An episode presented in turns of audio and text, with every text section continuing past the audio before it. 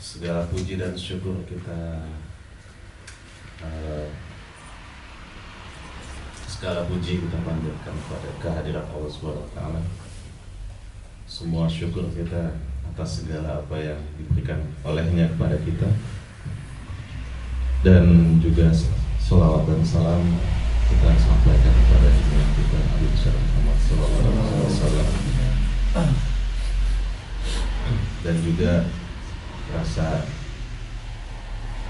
harapan kita atas untuk segala kebaikan kepada guru-guru kita dan orang tua kita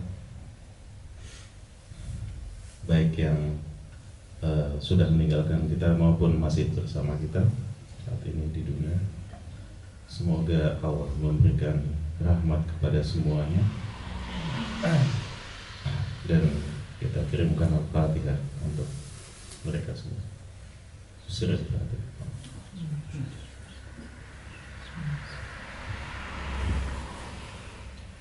khusus untuk uh, yang mengarang kitab yang malam ini akan uh, kita coba diskusikan bersama gitu ya. Yaitu Imam Tahawi. Beliau hidup di masa di masa di mana uh, akidah Islam itu mengalami banyak peristiwa atau tantangan. Tapi beliau itu bisa dikatakan masih langsung murid yang ada di jalur murid-muridnya Imam Abu Hanifah. Jadi kalau dilihat di pembukaannya kitab beliau ini halaman ah jadi bacaan ya. baca pembukaan saya kerja bahasa Inggris itu bisa bahasa bahasa ada pun bahasa Bismillah Ya. Bismillahirrahmanirrahim. Alhamdulillahirabbil alamin. Qala al-alamatu hujjatul Islam Abu Ja'far Warraq al-Tahawi Dimisri rahimahullah. Hada dhikru bayanun aqidatul ahli sunnah wal jamaah على مذهب الفقهاء الملة أبي حنيفة النعمان بن ثابت الكوفي وأبو وأبي يوسف يعقوب بن إبراهيم الأنصاري وأبي عبد الله محمد بن الحسن الشيباني رضوان الله عليهم أجمعين وما يعتقدون من أصول الدين ويديننا به رب العالمين Sudah. Ini sudah mulai pola.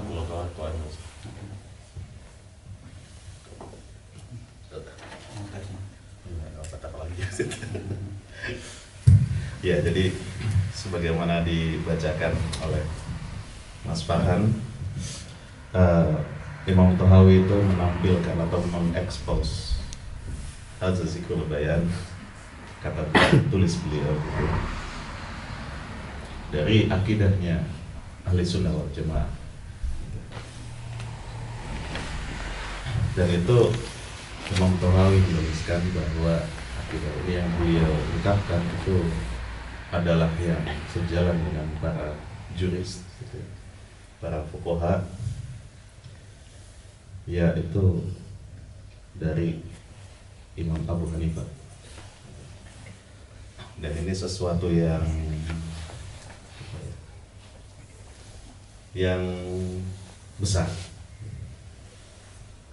Karena kenapa? Karena orang-orang tersebut gitu ya ah, Abu Hanifah itu masuk ke dalam apa yang diungkapkan oleh Rasulullah SAW sebagai golongan orang-orang yang lurus.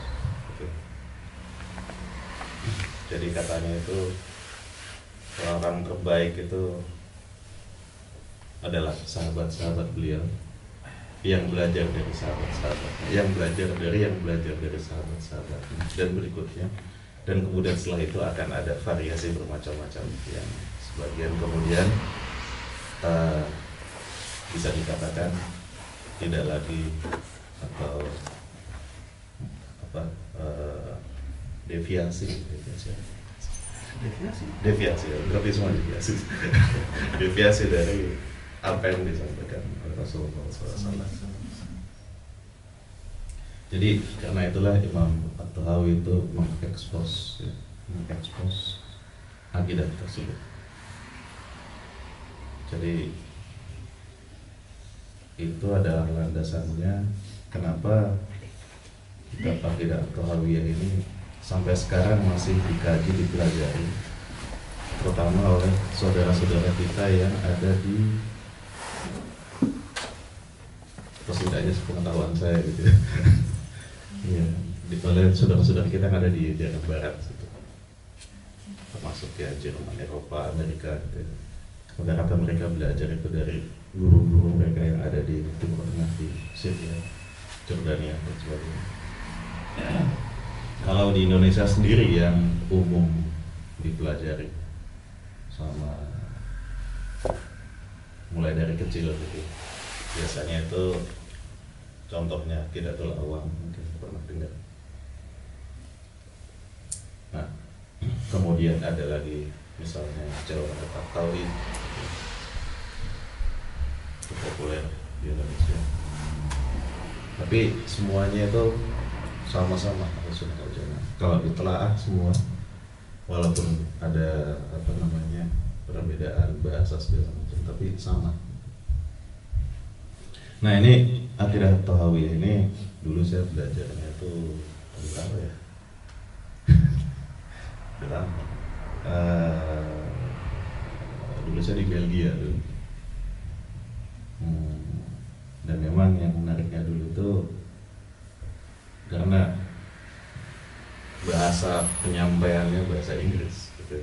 Karena guru saya ngomongnya bahasa Inggris sama Arab gitu dan ternyata itu cukup ngena gitu. Karena uh, dengan kuliah saya yang banyak kan bahasa Inggris gitu ya, kata-katanya itu kena dengan maknanya. Dan ya jadi saya saya bersyukur itu ya karena merasakan apa merasakan juga gimana sih saudara-saudara kita di barat belajar agama gitu dengan bahasanya dan konstruksi berpikirnya gitu kemudian terkomparasi dengan bagaimana kita di Indonesia secara kultural itu mengerti dan diajari dari kecil gitu. ada memang perbedaan budaya gitu. tapi ternyata dilihat oh ketemunya sama gitu. makanya jadinya misalnya di Jerman Jerman ini misalnya dekat dengan uh, guru-guru yang Jerman gitu yang Eropa nggak apa-apa Insya Allah sama aja Oke, saya kira sudah sudah sangat aktif ya di sini ya guru-guru dari apa dari dari mana dari UK dari ada juga Ustaz Zaki. ya Hmm. bahasa apa dia Bahasa Inggris, bahasa Melayu. Ah, bahasa Indonesia. Seperti itu. Syekh Mahmud. Ya, Ustaz Muhammad, bahasa Jerman. bahasa Jerman. Apalagi bahasa Jerman. Itu presisinya juga bagus kalau kata-kata. Nah jadi kita ke dalam tema malam ini. Ini saya minta tolong Mas Oktam baca lagi. Dari 19 sampai 25 خلق خلق بعلمه وقدر لهم أقدارا وضرب لهم أجلا لم يخف عليه شيء من أفعالهم قبل أن خلقهم وعلم ما هم عاملون قبل أن يخلقهم. وأمرهم بطاعته ونهاهم عن معصيته وكل شيء يجري بقد- بقدرته ومشيئته. ومشيئته تنقض لا مشيئة للعباد إلا ما شاء ما شاء لهم. وما شاء لهم كان وما لم يشأ لم يكن.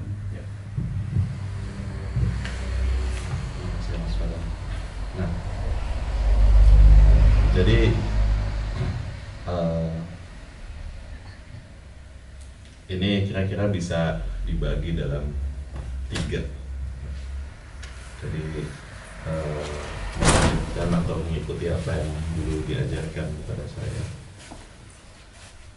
Eh, jadi di yang tiga poin pertama Eh, di situ Imam Tohawi itu dia berkata tentang Allah tentang Allah dalam penciptaan makhluk berkenaan juga dengan pengetahuannya atau knowledge pengetahuan siapa? pengetahuan Allah maksudnya jadi kalau misalnya ditanya Allah itu dikatakan maha pencipta kemudian dia bertanya apa maksudnya di situ salah satunya kita bisa menjawab bahwa Allah itu adalah yang menciptakan segalanya. Jadi Allah is the creator of everything. Nah kalau kita nanya ke orang Islam di mana pun semua pasti setuju saya kira nggak ada orang Islam akan berkata selain itu. Dan kita semua meyakininya kita menerimanya. Tetapi kemudian adalah bagaimana terus kita berusaha mendalami makna dari ungkapan tersebut gitu ya. apa maksudnya? Allah is the creator of everything. Jadi eh, ada dua hal ada dua hal yang menjadi pembeda antara Allah dengan makhluk. Saat dikatakan Allah itu menciptakan segalanya, maka otomatis selain Allah itu ada diciptakan oleh Allah. Nah, apa karakter dari sesuatu yang diciptakan? sesuatu diciptakan itu pasti punya karakter memiliki awal. Apa maksudnya awal? Awal itu adalah keadaan dari tidak ada menjadi ada. Sebelumnya dia tidak ada, kemudian jadi ada. Apa lawannya? Memiliki awal. Lawannya memiliki awal adalah tidak memiliki awal, negasi. Nah, maknanya karena kalau sesuatu yang diciptakan memiliki awal dan berasal dari ketiadaan maka opositnya dari yang apa eh, opositnya yang diciptakan itu adalah tidak memiliki awal yaitu keberadaannya tidak diawali dari ketiadaan gitu. Jadi maksudnya apa? Kesimpulannya, gitu. kesimpulan berikutnya, dia selalu ada, gitu. Dia selalu ada. Tapi ini eh, kita tidak masuk ke dalam pembicaraan tentang apakah eh, selalunya ada itu, kemudian apakah dia bermakna eh, apa namanya perubahan gitu ya. Jadi jadi begini. Hmm,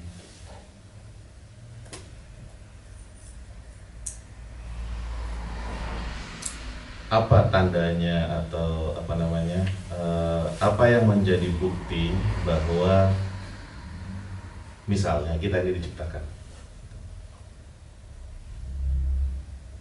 Gampang kan ya?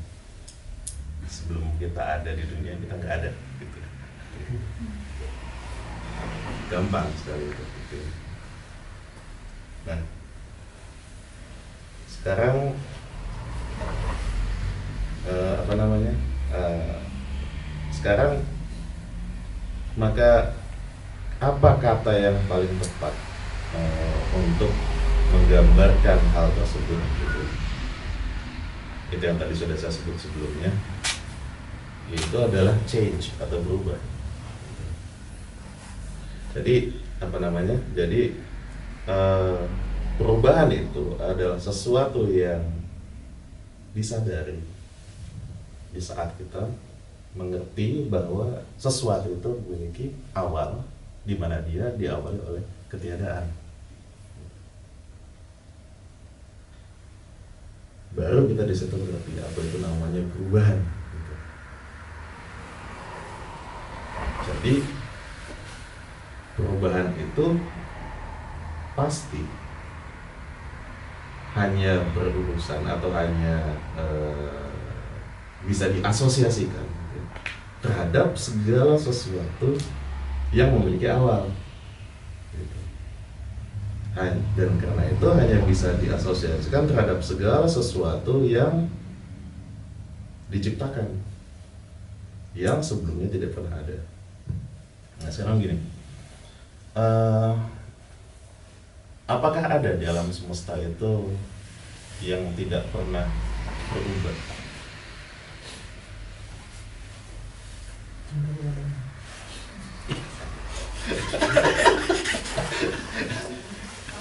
Sebelum kamu mencintai dirinya, apakah kamu sudah mencintai dirinya? Nah,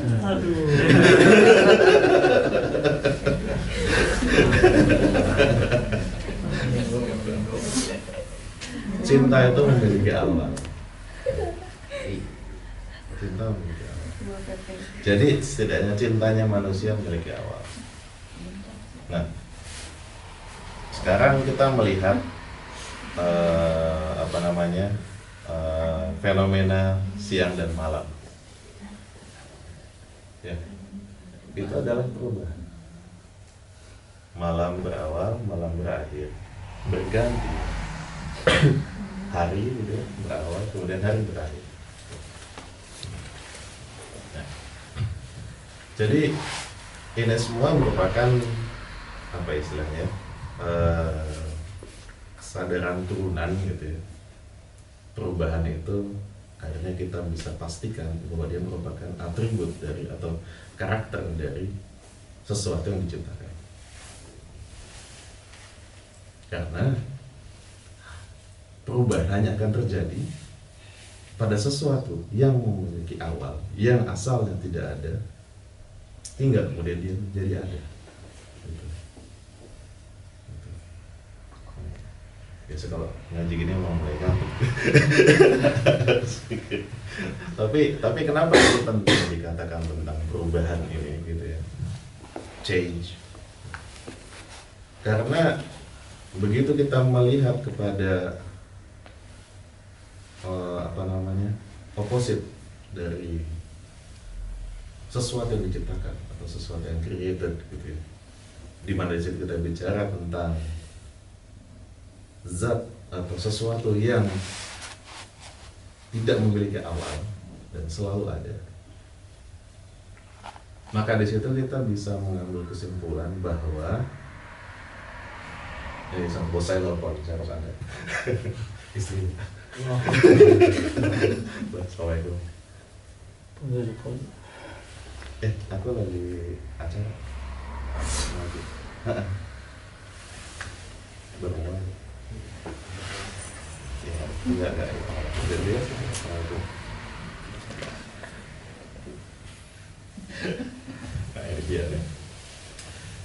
cinta selamanya gitu ya. nah jadi apabila kita kemudian berusaha mengetahui tentang sesuatu yang tidak memiliki awal gitu ya, beginningless istilahnya.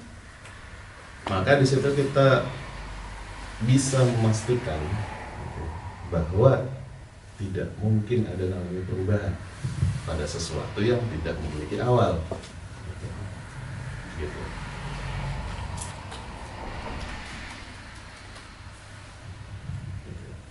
Nah, ada pertanyaan?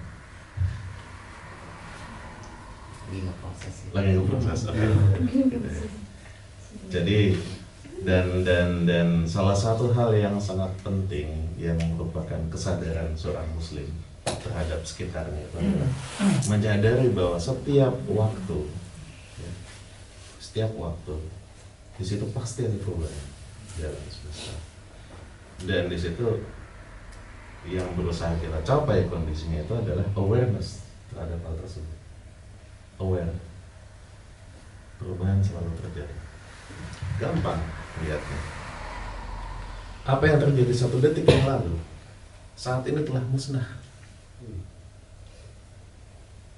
Mana satu detik itu yang lalu?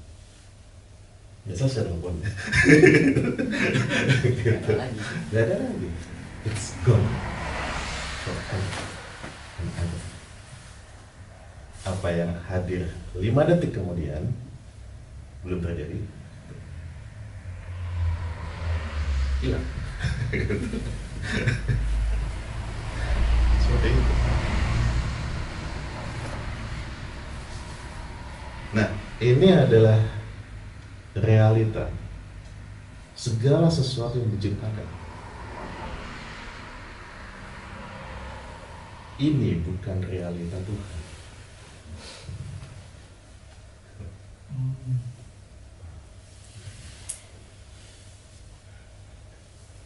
yang kita alami bukan realita zat Allah bukan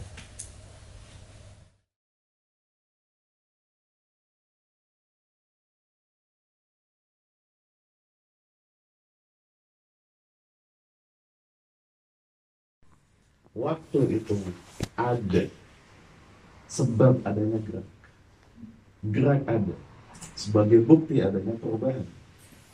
Apakah Tuhan terikat oleh waktu? Tidak akibatnya begitu maksudnya akibatnya adalah kesimpulannya seperti itu. Jadi pada saat dikatakan atau ada orang berkata atau para ulama bahkan berkata sebelum tercipta sesuatu itu sebelumnya pakai tanda kutip. Itu cuma karena manusia kita ini memiliki keterbatasan dalam menggunakan ya kita cuma bisa membangun bahasa simbol-simbol itu berdasarkan pada apa yang kita bisa tangkap gitu ya.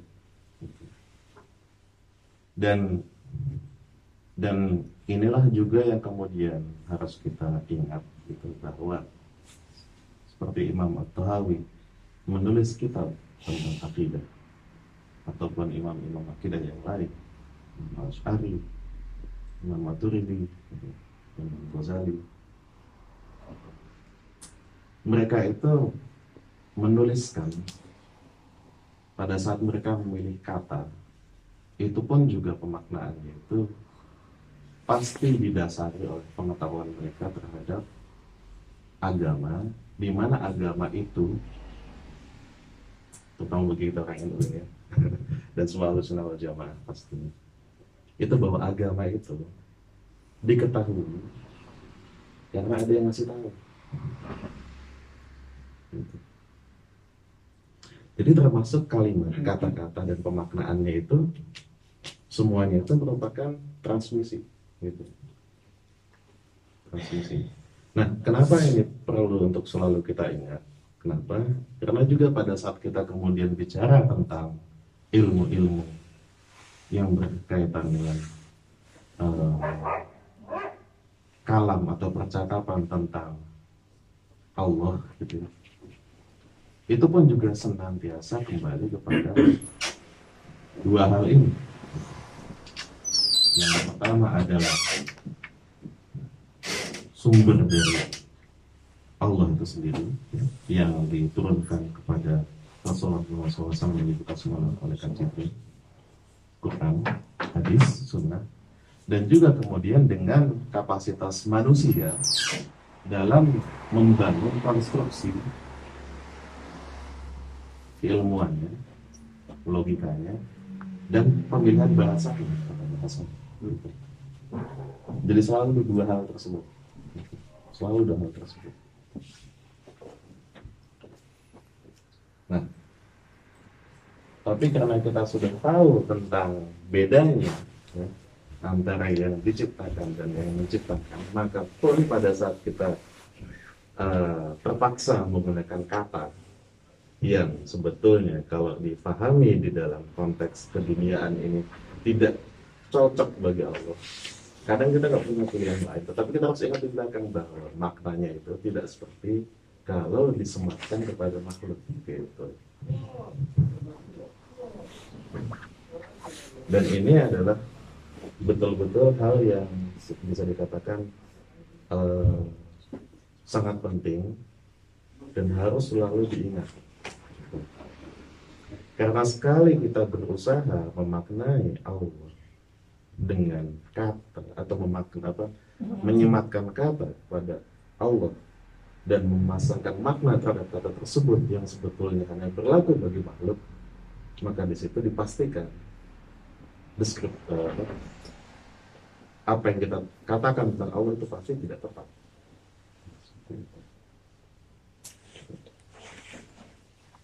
ya.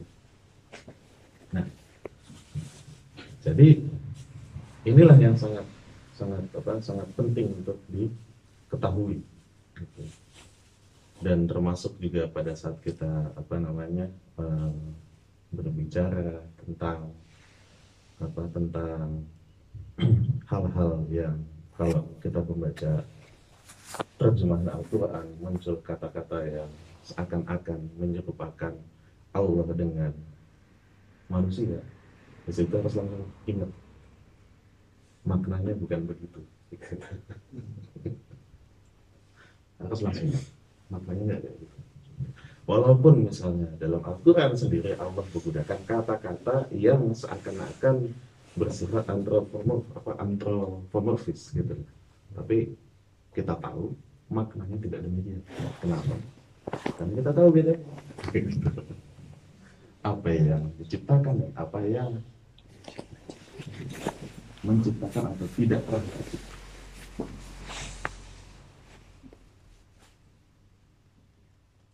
dan selalu ada. Nah, masuk kepada topiknya belum masuk. belum masuk. Topik. Nah, salah satu, nah kita semua tadi saya bilang di awal, seluruh umat Islam sepakat bahwa Allah menciptakan segalanya. Tapi ada hal-hal tertentu yang menjadi debat di tengah-tengah umat Islam sampai sekarang. Yaitu tentang keterciptaannya perbuatan manusia. Human, the greatness of human actions. Nah ini apa namanya? Uh,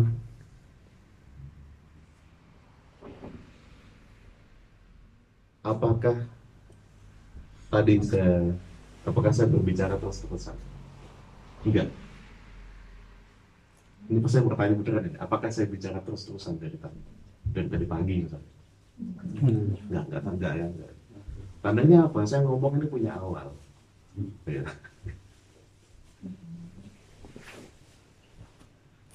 Ini meja apa selalu di sini? Gampang nih. Ini Fatan. Apakah Fatan selalu duduk di sini? Enggak. Punya awal dan insya Allah nanti punya akhir. Karena gak mungkin dia kayak sini sampai kapan.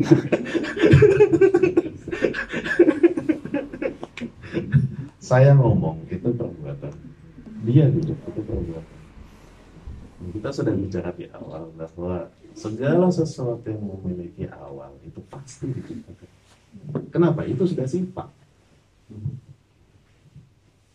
Itu udah nature-nya. Kalau ngomong agak keren dikit.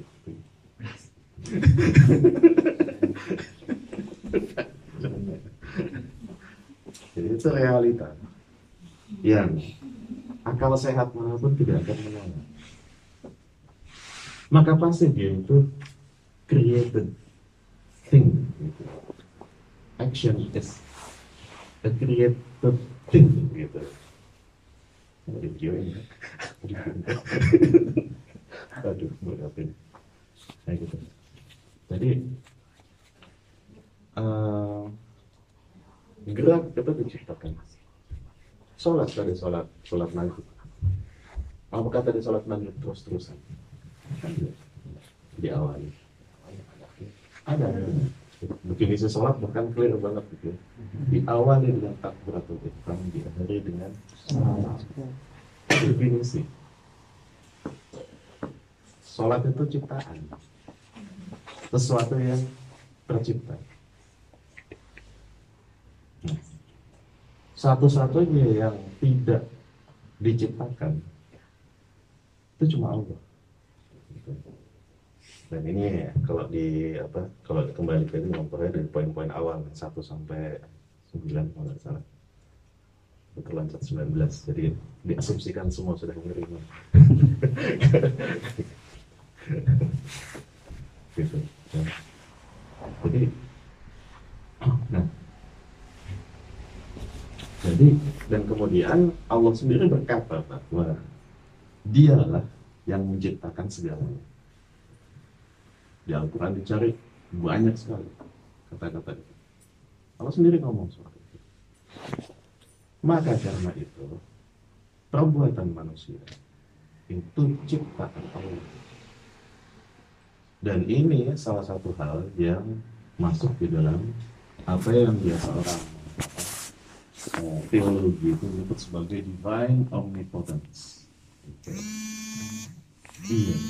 Iya, divine omnipotence. Kalau cari di Wikipedia ada. Tapi udah, ini ini istilah. Supaya supaya kita tahu omnipotence itu maksudnya adalah berkuasanya mutlak. Gitu. Mutlak. Jadi kata mutlak itu ada di maknanya. Kita dulu sering, saya sering dengar waktu kecil, Allah itu kekuasaannya mutlak. Mutlak itu apa? Itu maknanya. Allah itu menciptakan segalanya dan berkuasa atas segalanya tanpa batas. Dan tidak ada yang menyamai. Dia sendiri innallaha wahid. Selain Allah itu semua diciptakan. Memiliki awal memiliki akhir mengalami perubahan. Nah terus uh, masuk ke poin berikutnya adalah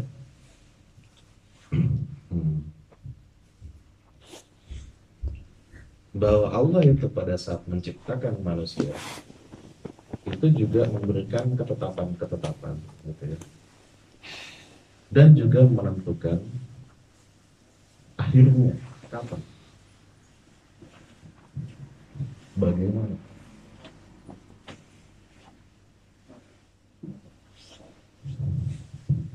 sebelum masuk bagaimana nanti? Ceplosan. Jadi Allah itu sudah menentukan umur manusia itu. Sudah ajal. Begitu kan ya hmm, satu tadi? Ya. Sudah ditentukan. Nah ini yang di salah satu atau beberapa aspek yang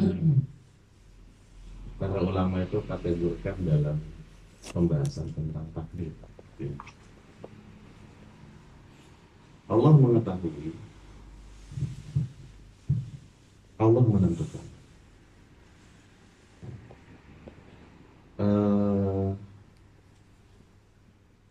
dan karena Allah itu menciptakan dan kemudian perubahan terjadi setiap saat. Maka yang namanya creation itu tidak memiliki batasan. Dan inilah yang kemudian disebut kenapa para ulama menyebut Allah itu yang all sustaining all sustaining karena dia yang sustain segala sesuatu untuk tetap ada hingga sampai masanya juga dia tentukan. Ya sudah apa namanya telah tercukupkan. Jatahnya gitu maka berakhir. Maka selesai lah gitu. Selesai. Nah sekarang pada saat kita bicara tentang kon apa apa namanya yang yang di kita diskusikan malam ini uh, salah satu atribut dari Allah itu itu adalah Allah itu maha mengetahui. Dan ini sangat penting untuk kita mengerti. Kenapa? Karena sebagian dari kalangan umat Islam itu pada saat berusaha mengerti tentang apa itu makna dan implikasi dari kemahal mengetahuinya Allah gitu ya. Mereka itu sebagian umat Islam ini itu ada yang tergelincir gitu. Begitu bicara tentang kemahal pengetahuan. Allah terutama pada saat yang sempat jadi kita saya di awal itu mengenai bicara tentang perbuatan manusia.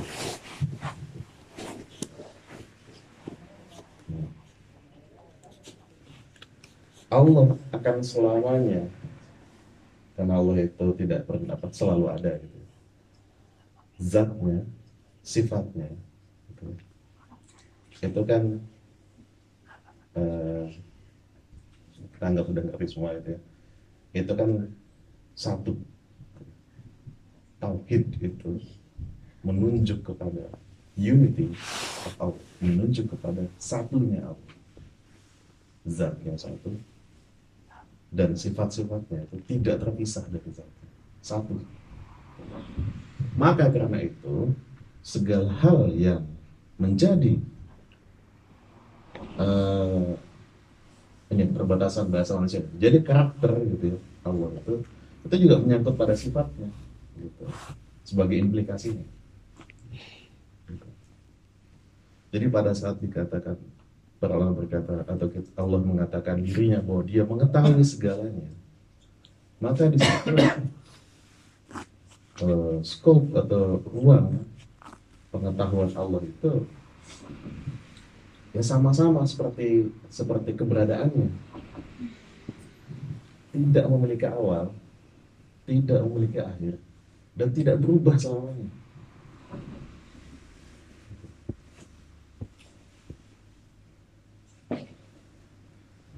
Beda dengan manusia. Bagaimana manusia mengetahui sesuatu? Seperti keberadaannya manusia itu sendiri. Ya. Persis. Kenapa teman-teman semua sekarang ada di sini kuliah? Apa ini? Belajar supaya dari sebelumnya nggak tahu itu Allah nggak pernah ada namanya nggak tahu dan selama yang seperti itu Allah beginningless tidak memiliki awal. Keberadaannya tak berawal. Pengetahuannya tak berawal. Dan segala sifat yang lain tentunya itu ya. Yang kalau di Asy'ari itu 20 sifat. Wajib. 20 mustahil seperti sih kudrotnya tidak memiliki awal tidak tidak dan seterusnya nah jadi apakah mungkin Allah tidak mengetahui apa yang dilakukan manusia lima detik eh, apakah mungkin Allah tidak mengetahui yang saya lakukan lima detik nanti Allah pasti tahu.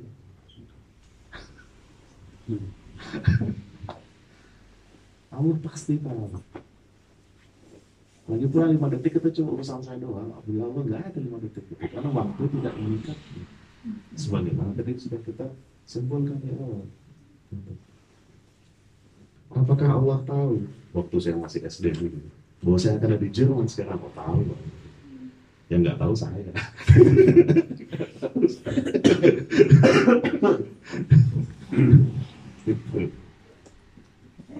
nggak tahu saya. Waktu saya ngambil kuliah teknik industri S2 di ITB, setelah saya lulus S1 dulu, saya tuh nggak tahu kok ternyata saya bakal nggak lulus. Allah tahu saya nggak lulus. Sekarang saya tahu, saya udah mengalami. gitu. Saya selesai dari S2 itu, saya tidak lanjutkan. Saya pindah ke Belanda. Mau menyenangkan. Jadi gitu. Sama juga. Eh, 15 tahun yang lalu, saya tidak tahu siapa istri saya. Allah tahu istri saya siapa. Dulu saya masih nyari dagang, dagang, begitu. Ya mas ya.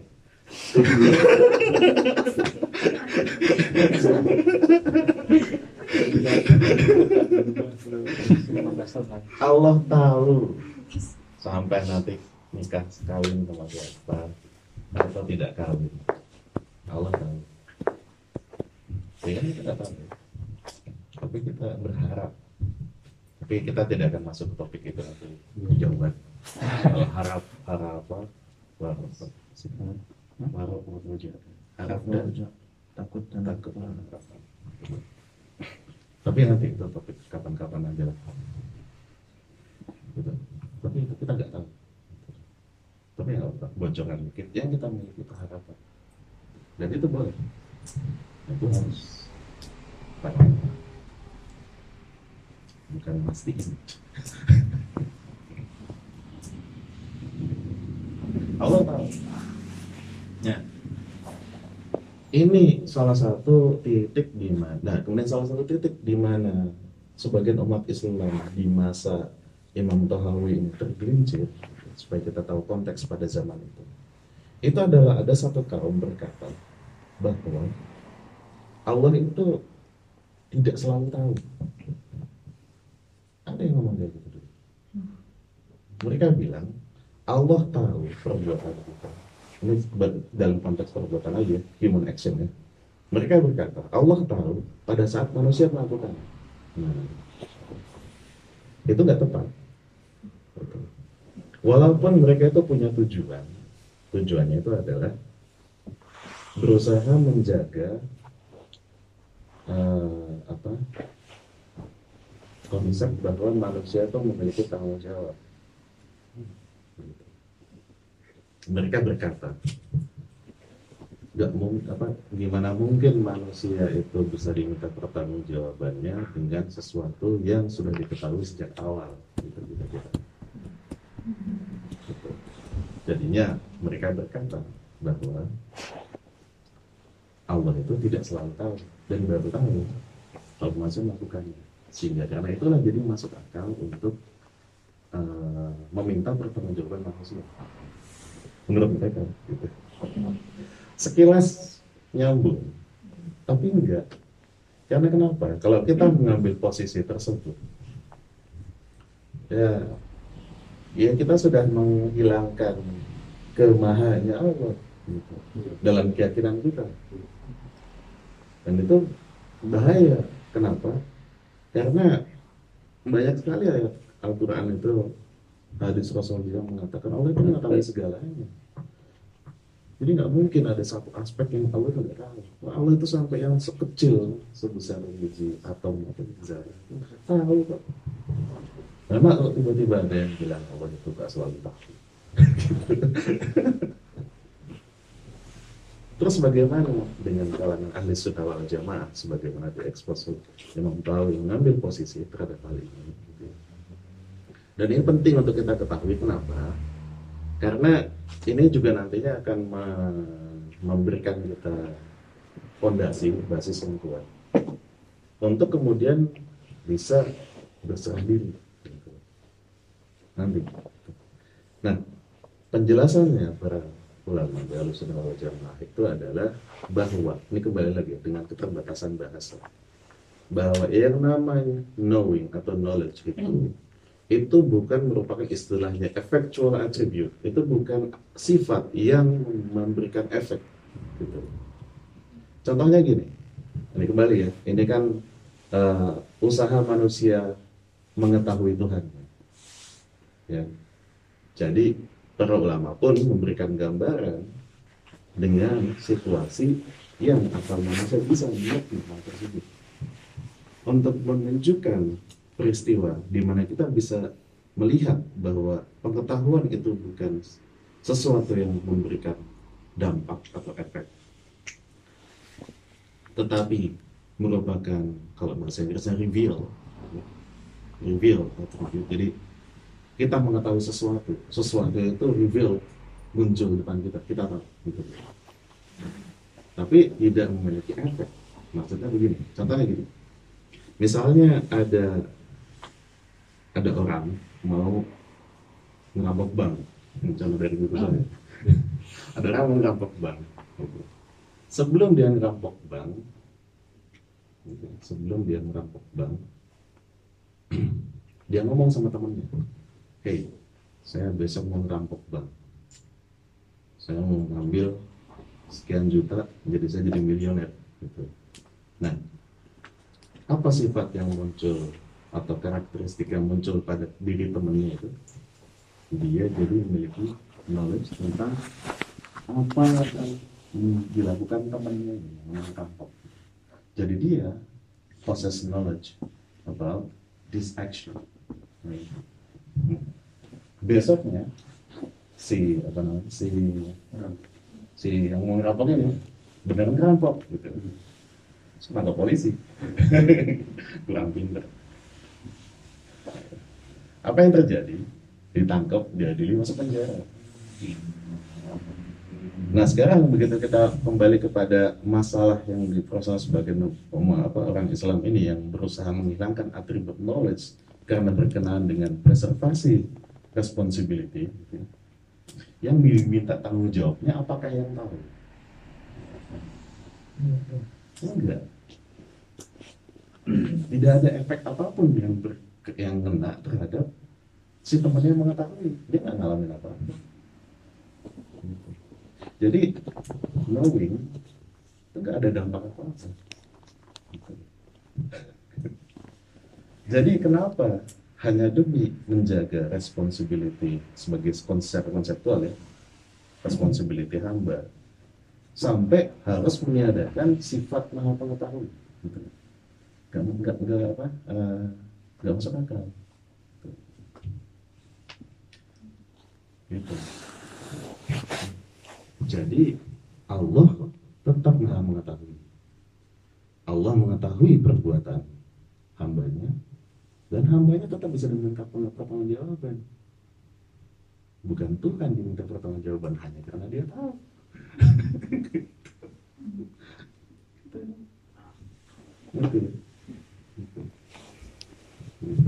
Jadi jangan pernah merasa ya Allah, Allah kan tahu nanti saya jadi apa. Mungkin saya udahlah nggak usah ngapa-ngapain kalau saya ini kalau saya kamu kan juga sudah tahu nanti saya masuk neraka masuk surga. Saya sah saya mau ngapain nggak bisa begitu nggak bisa begitu gitu. walaupun Allah mengetahui perbuatan kita itu tidak memiliki dampak apa pun terhadap kemudian kita menjadi tidak melakukan sesuatu atau melakukan sesuatu hanya karena kita mengetahui Allah akan memasukkan kita surga atau neraka. Contohnya, contohnya itu bukan alasan. Gitu.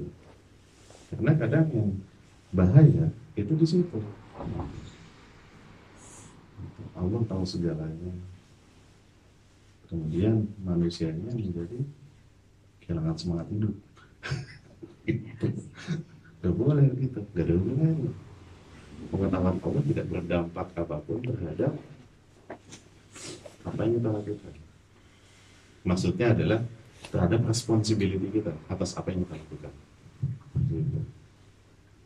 jadi jangan itu gitu.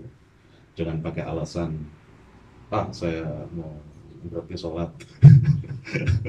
Allah udah tahu ya. yang menciptakan dia juga. Nggak bisa begitu begitu secara logika salah gitu. dan dan ilmu kalam ini kan selalu tentang itu tentang apa bagaimana kita memiliki pola pikir yang benar gitu. berkenaan dengan sifat-sifat Allah dan kemudian implikasi yang dalam kehidupan kita sehari-hari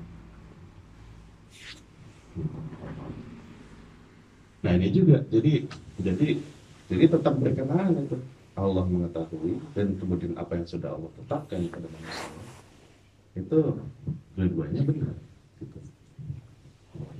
dan itulah yang disebut dengan tarawih dia menentukan Allah menentukan ininya apa? Uh, qadar itu ada. Dan apa, knowledge itu ada ada selamanya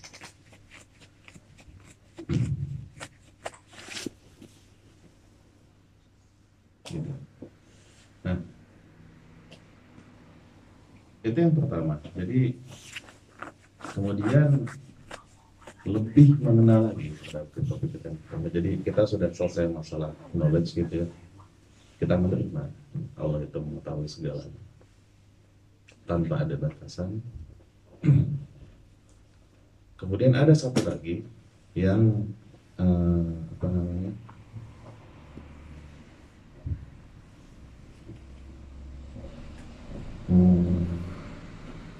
oh ya nah terus pertanyaannya gitu ya uh, terus apa yang membuat manusia itu bisa diminta pertanggungjawaban?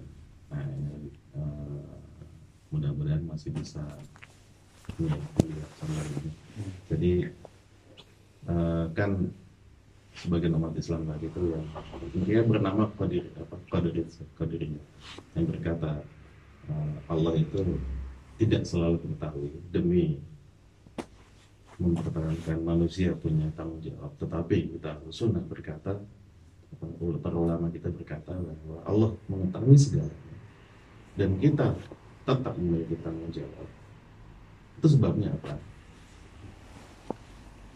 itu sebabnya kalau yang tulis di poin 23 ini itu sebabnya karena Allah memerintahkan kita untuk mengikuti apa yang dia perintahkan dan menjauhi apa yang dia larang. Jadi eh, apa namanya alasannya itu dari situ.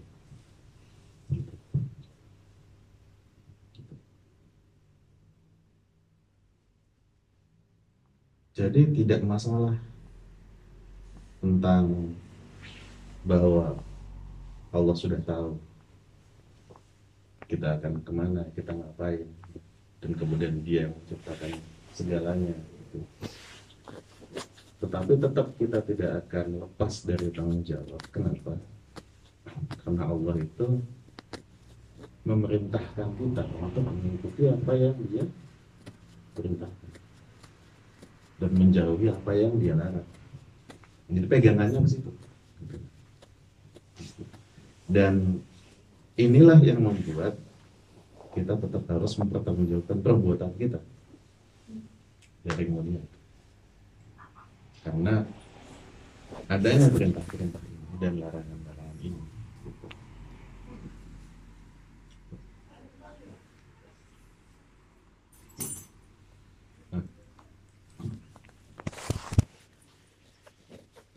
Kemudian ada kalangan yang lain yang bicara tentang uh, motivasinya mirip gitu. Motivasinya itu kalangan ini juga pengen menginginkan mereka punya desire gitu ya untuk supaya manusia itu bertanggung jawab gitu ya. Tapi kemudian mereka membangun konsepnya dengan mengatakan bahwa Allah memberikan uh, kapabilitas kepada manusia. Dan kemudian meminta pertanggungjawaban manusia berdasarkan kapabilitas ini gitu. Atau kekuatan ini. Sudah. nah jadi kalau di poin ke ini 24 Jadi mereka berkata bahwa manusia itu memiliki kekuatan, memiliki kemampuan sebagian umat Islam. Mereka disebut mutazil. Mereka mengatakan manusia punya power, punya kapabilitas, bukan sesuatu. Karena manusia memiliki kapabilitas ini, maka ini menjadi dasar kenapa manusia diminta pertanggungjawaban dari Allah. Nah, ini bukan posisi kita. Halus, ini bukan posisi yang harus tanggung jawab. Kenapa begitu?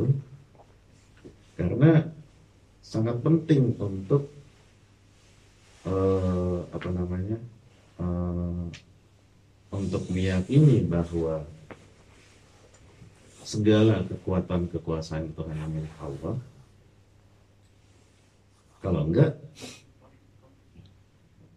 kita itu tidak apa tidak akan ada namanya tawakal gitu. nggak akan ada namanya tawakal karena tawakal itu sendiri kalau kita amalkan lafal yang keluar adalah lafal siapa kalimat yang keluar la haula wala quwwata illa billah dan itu gak sembarangan illahnya tuh billah gitu billah dengan Allah. Nah, ini kontradiksi.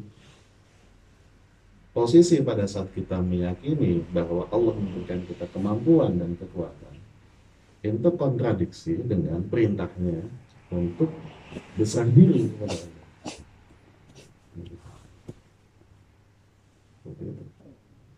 Nah terus gimana? Nah ini lagi secara sekilas bisa muncul di kepala kita gitu. Oke, kalau misalnya memang Allah tidak memberikan kita apa pun, kudrat itu hanya miliknya. Iradat hanya milik, kehendak hanya milik, will hanya miliknya.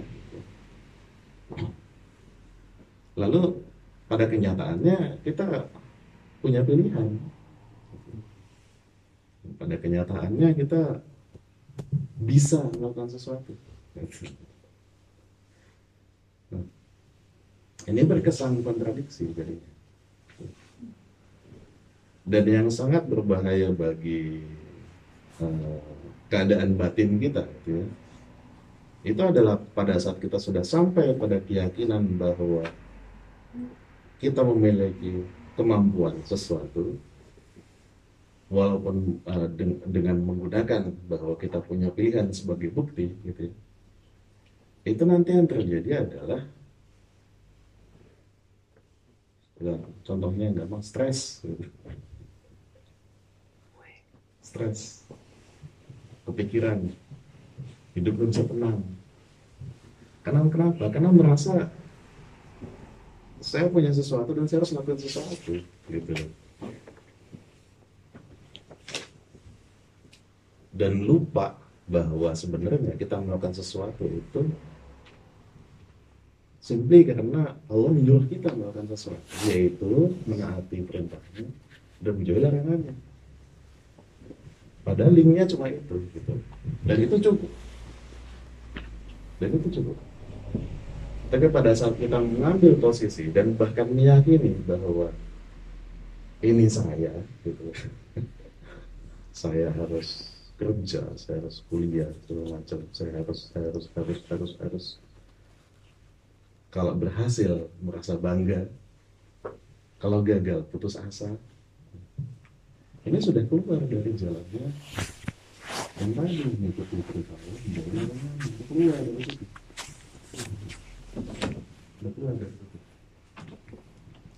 Lebih parah lagi kemudian menyalahkan Tuhan ya Allah kan kamu tahu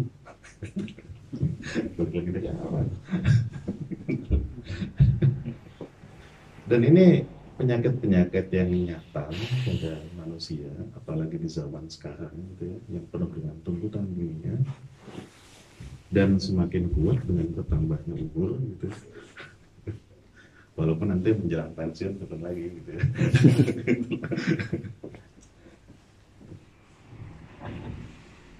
Dan satu-satunya cara untuk berlepas dari keadaan tersebut adalah untuk mencukupkan diri untuk meyakini sebagaimana juga tuntunannya para ulama dari alusan al jamaah bahwa Allah haula wala quwata. Kita nggak punya daya, kita nggak punya upaya. Lalu gitu yang Allah kasih ke kita apa? Nah, gitu kan. Jadi pertanyaan berikutnya, karena pada faktanya, pada faktanya, dulu saya ketemu istri saya, saya pilih nikah. Ketemu apa namanya eh, lulus SMA, milih saya mau kuliah di sini apa enggak. Pada saat saya kuliah menjalani ujian, saya memilih saya ujian apa enggak. Pada saat saya bekerja juga sama walaupun juga ada beberapa hal gitu ya yang mungkin kapan-kapan aja diceritain lucu karena kerjaan saya sekarang ini saya ngelamar cuma sekali ampun. Tapi udah itu, itu lain gitu. Tapi intinya itu bahwa apa namanya kenyataannya manusia memiliki pilihan gitu. Tapi kalau kita meyakini kita memiliki sesuatu kapabilitas itu ternyata bertentangan dengan uh, kondisi yang diinginkan Allah berkenaan dengan uh, apa, pola pikir dan keadaan batin kita. Gitu. dan salah satunya itu adalah tawakal. Dan kalau tawakal nggak bisa apalagi syukur. Terus bahagianya kapan bahagianya kapan padahal doa yang ditinggalkan atau ditinggalkan doa yang diberikan oleh Rasul pada umatnya itu minta bahagia dunia akhirat Karena kontradiksi. Nah, tapi gimana kalau kita mengikuti apa kata Mu'tazilah kontradiksi gitu. Terus bagaimana jadinya? Solusinya ternyata mudah Terima Allah yang uh, satu-satu yang memiliki kekuatan, kemampuan, kapabilitas. Dia yang memenuhi kebutuhan kita, oh sustaining, memberikan rezeki gitu. Jadi rezeki itu jangan dipahami hanya makan minum saja sama gaji bukan. Sustaining itu adalah selamanya kita ada. Di situ kita disustain. Dan itu hubungannya sama yang tadi di awal. Karena awalnya kita tidak ada menjadi ada dan selama kita ada Allah preserve gitu, uh, sustain gitu. jadi dia tetap ada. Sampai sustainnya selesai selesai waktunya selesai dan sustain bagaimana Allah memberikan sustain kepada memberikan sustenance kepada makhluknya itu macam-macam. Ada yang lewat ya bekerja makan minum. Ada juga orang tapi tidak makan tidak minum masih hidup. Jangan tanya gimana pokoknya Allah mensustain. Dan itu jadi itu cukup gitu. nah jadi jadi kita menerima dan kemudian untuk tentang masalah pertanggungjawaban tadi itu para ulama itu mengatakan bahwa uh, pilihan yang diberikan kepada manusia itu itu adalah memang istilahnya compulsion gitu ya. Jadi Allah itu memang sudah menetapkan bahwa Allah bahwa manusia itu harus memilih gitu. Jadi Allah itu kompuls gitu ya, force gitu ya kita untuk memilih. Jadi jadi pilihan-pilihan yang muncul di hadapan kita itu Allah yang menciptakannya. Kita memilih, kemudian Allah menciptakan sesuai pilihan pilihan kita gitu maksudnya. Tapi ingat lagi bahwa itu pun juga Allah menciptakan yang di belakang gitu. gitu. Jadi tidak akan ada yang bertentangan dari sisi pemikiran. gitu. Dan kita pun juga akan tetap harus mempertanggungjawabkan di hari kemudian. Yang kita pertanggungjawabkan itu bukan actionnya, tapi pilihannya kita. Gitu. Gitu. Nah, tetapi berlanjut kita tidak perlu mempertanyakan bagaimana Allah me, me- apa namanya bagaimana Allah membuat pilihan tersebut. Kita nggak perlu tahu. Yang kita perlu tahu bahwa pilihan itu muncul di hadapan kita. Wujudnya apa dan faktanya kita juga memilih. Dan jangan takut pilihan kita nanti akan diminta pertanggung jawaban juga gitu. Jadinya kita pun kemudian tetap meyakini Allah maha mengetahui. Tetap mengatakan meyakini bahwa Allah lah yang memberikan segala sesuatunya kepada kita sehingga kita tetap ada sampai kita tiada. Kita yakin bahwa tiada daya dan upaya selain dari dia. Dan satu-satunya kita yang harus lakukan adalah memilih hal-hal yang sesuai dengan apa yang dia perintahkan atau yang dia sukai. Dan kita memilih hal-hal yang ya kita kita tidak memilih hal-hal yang tidak dia sukai. Nah, itu saja. Maka ini juga contoh yang menarik gitu ya. Eh, apa namanya? Saya memilih gerakan tangan saya ke atas gini. Tapi saya juga nggak tahu ini yang terjadi dengan tangan saya kan apa. Saya cuma tahu saya memilih tangan ke atas. Tapi kan ada orang dia memilih untuk gerakin tangannya tapi nggak bisa tangannya nggak bergerak. Itu tandanya dia paralyzed. Keadaan medikalnya paralyzed gitu. Syaratnya memilih saya ini ini ini itu itu desire-nya ada awareness-nya ada tapi badannya nggak bergerak tandanya apa? Ya gerakan itu diciptakan. Pilihan itu diciptakan tapi kita memilih. Kenapa? Karena Allah memberikan dan memaksa kita memilih. Selama kita memilih hal-hal yang tidak bertentangan dengan apa yang dia firmankan maka di situ Allah menjanjikan insya Allah eh, petunjuknya akan senantiasa bersama dengan orang tersebut. Walaupun kembali lagi bahwa bagaimanapun juga eh, ini kalau masuk ke topik yang lebih jauh topik tasawuf gitu. Walaupun begitu kita tetap tidak berkata bahwa kita mendapatkan kebaikan itu karena perbuatan itu. Toh memang itu juga nyambung.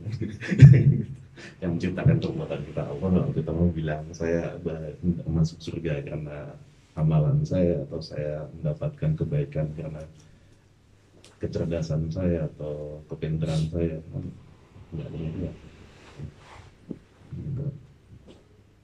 jadi nah, pada saat kita mengerti poin ini maka di situlah kita kemudian akan mencapai yang namanya tentunya bertahap itu ya, mencapai yang namanya keadaan berserah diri tawakal pada saat kita sudah lepaskan semua itu yang tidak ada memang nggak ada urusannya dengan kita gitu. itu cuma istilahnya delusi ilusi gitu ya. ilusi semata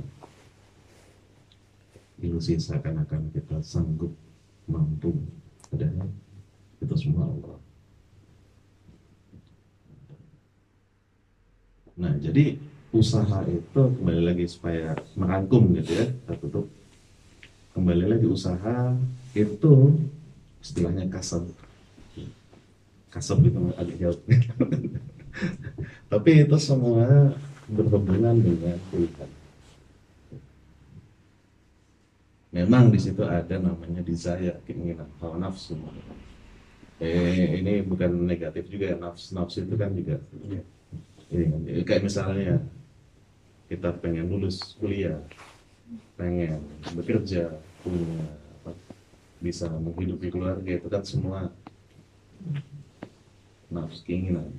Nggak apa-apa itu memang Allah berikan pada kita bukan di situ masalahnya itu yang jadi masalahnya adalah bagaimana pada saat kita berusaha menjalaninya itu kita memilih dengan hal-hal yang yang benar gitu. Ya gitu. Jadi ya maksudnya juga kalau memang mau lulus belajar gitu. jangan terus bilang Allah tahu nanti saya lulus apa enggak aku biarin aja. Itu namanya tidak bertanggung jawab. Dan siap-siap itu sudah memilih tadi itu. Itu namanya bertanggung jawab kan karena kenapa pada saat kita diamanahkan untuk datang ke sini belajar kemudian kita nggak menjalankannya ya kita melanggar banyak hal situ kan?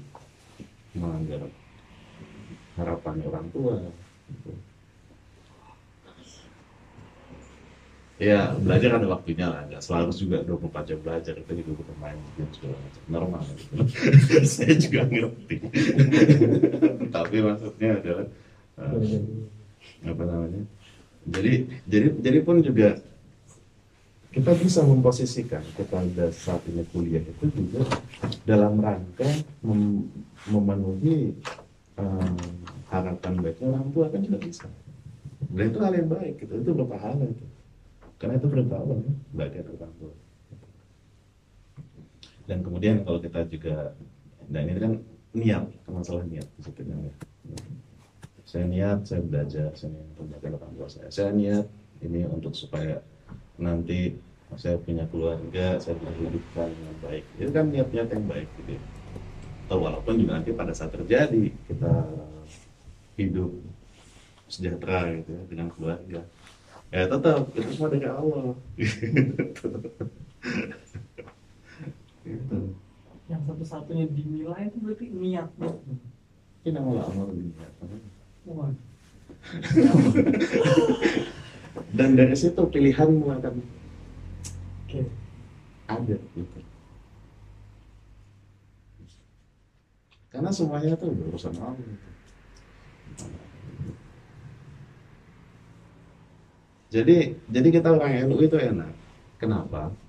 Kita bisa berusaha sekeras mungkin sekuat mungkin tapi nggak pernah sombong idealnya. Sekaya kayak serah gitu. Nggak sombong. Gitu. so miskin miskinnya nggak putus asa. Itu kelebihannya orang dulu gitu. itu kelebihannya orang yang orang lu sunnah wal jamaah yang ngerti enak. Hidupnya bahagia nggak beban. Dan harapan kita mudah-mudahan Allah memasukkan kita dalam golongan orang-orang yang seperti itu senantiasa memperoleh rahmat. Karena pamungkasnya itu pamungkasnya gitu. begitu kita mendapatkan kenikmatan yang paling tinggi itu semua karena rahmatnya Allah His mercy gitu. not from our action tapi ya yang ngasih kita semua ini ya kita berusaha sekuat mungkin sekuat mungkin berbuat yang terbaik baiknya di dunia gitu. sebaik-baiknya ada satu value yang saya pelajari betul di Jerman Jerman itu adalah mereka menghargai kontribusi.